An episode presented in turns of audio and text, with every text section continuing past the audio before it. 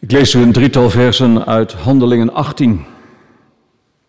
Het gaat over Paulus, die van Athene naar Korinthe reist. Na deze gebeurtenissen verliet hij Athene, Paulus dus, en ging naar Korinthe.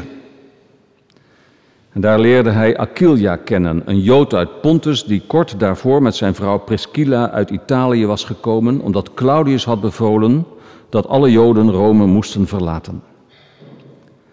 Paulus bracht hun een bezoek.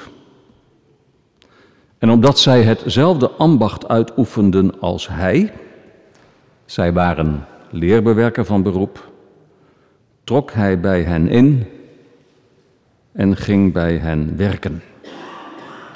Die laatste regels, daar gaat het mij ook om. Trok hij bij hen in en ging bij hen werken. Dat is wat Paulus deed, werken.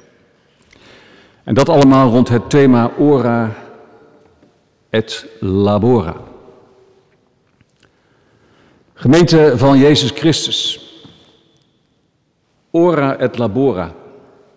Ook al onthoudt u verder helemaal niets van deze overdenking, onthoud dan in ieder geval deze twee Latijnse woorden. Het rijmt ook nog, dus het is makkelijk te onthouden.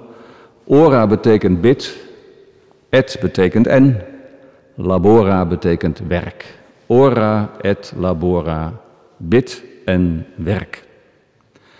Dat is wat ons te doen staat. Nu de zomer weer een beetje op zijn einde loopt, ook al zou je dat misschien buiten nog niet zeggen. Nu we langzamerhand weer in de richting van de herfst en de winter gaan. Mensen weer in het werk gaan, het dagelijkse leven zijn loop hervindt. De besturen, de verenigingen, de koren, alles komt langzamerhand weer op gang. Hoe nu verder? Ora et labora. En dat niet alleen op zondag, maar dus ook van maandag tot en met zaterdag. Er was eens een monnik hij heette Benedictus. Misschien hebt u wel van hem gehoord. Hij leefde ongeveer 400 jaar na Christus. Beetje in de tijd dat het christendom ook begon te bloeien in Europa. De vorige paus heette trouwens ook zo, Benedictus. En die Benedictus was een revolutionair. Hij stichtte een eigen klooster. Maar hij wilde dat de kloosterlingen daar niet alleen gingen bidden, maar ook werken. Dan moeten ze realiseren dat werken in die tijd was voorbehouden aan de laagste klasse. Alleen slaven werkten, de hogere klasses, nou, die werkten niet. Even een heel klein uitstapje naar onze tijd. Ik maak even een beetje gewaagde vergelijking. Maar ik vind dat je daar in onze moderne tijd nog wel iets van terugziet. De mannen en vrouwen die elke ochtend in hun elektrische Tesla's aankomen zoeven bij hun prachtige kantoor waar de secretaresse al klaar staat met een kopje koffie. Waarna ze zich neervleien achter hun computer en heel langzaam de dag opstarten. Lieve mensen, ik weet niet wie ik allemaal beledig. Dat is natuurlijk geen werken. Werken is werken met je handen. Werken, dat zijn de boeren op het land. Werken, dat zijn de fabrieksarbeiders die ochtends vroeg overal aantrekken en achter stampende, hete machines staan. Werken, dat zijn de mannen en vrouwen die vroeger bij mijn vader in de fabriek de hele dag lang dertien beschuiten tussen hun vingers hielden en die vervolgens in een rolletje leggen. En dat dan acht uur lang achter elkaar. Dat is allemaal werk. Ik zeg wel eens, en dan betrek ik het om op mijzelf, dominee zijn, dat is ook geen werken. Wat wij doen is betaald koffie drinken bij de mensen. Echt werken is werken met je handen. Nou, zo werd dat in de tijd van de monnik Benedictus dus ook gezien. Werken met je handen was minder waardig. Maar dan moet je realiseren dat in die kloosters vooral de hogere klasse intreden deed. Dus het waren met name de mensen uit adellijke kringen die in die kloosters hun intrede deden. En Benedictus vond het dus heel belangrijk dat juist die mensen ook leerden dat je bidden en werken moet combineren. Omdat juist in de dagelijkse praktijk van alle dag geloof zichtbaar moet zijn. Ora et labora is de regel van Benedictus. Niet alleen voor de lagere klasse, maar voor ons allemaal. je kunt het heel mooi laten zien aan de hand van het Bijbelverhaal over Paulus, wat ik zojuist een heel klein stukje uit las. Paulus is leerbewerker. Misschien dachten sommigen van u, ja, ik dacht dat die Paulus toch een soort evangelist, een soort voorganger, een soort dominee was, in dienst van de kerk. Dat hij ook door die plaatselijke kerken betaald zou worden. Nee, dat is niet zo. In Paulus zijn tijd moest je naast je bestaan als geestelijke gewoon met je eigen handen de kost verdienen. En ik zeg er eerlijk bij, ik ben daar heel erg voor.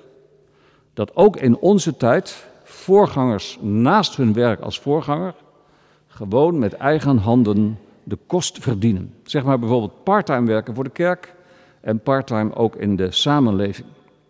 Zo zou ik het zelf heel erg leuk vinden om nog eens een paar jaar uh, chauffeur te zijn op, de op een internationale vrachtwagen. Dat lijkt me echt helemaal geweldig.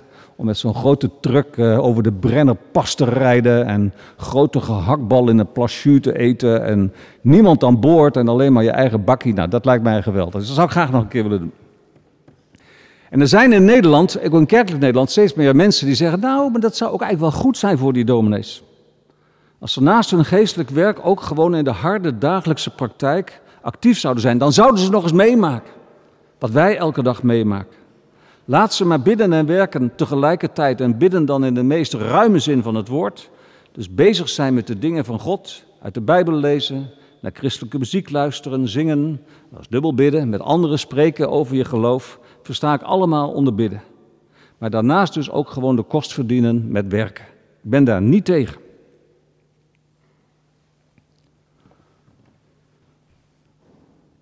Maar mag ik dat nou ook eens omdraaien? Zou dat nou alleen voor dominees gelden? Of geldt dat misschien ook voor u? Geldt dat ook voor gewone gemeenteleden?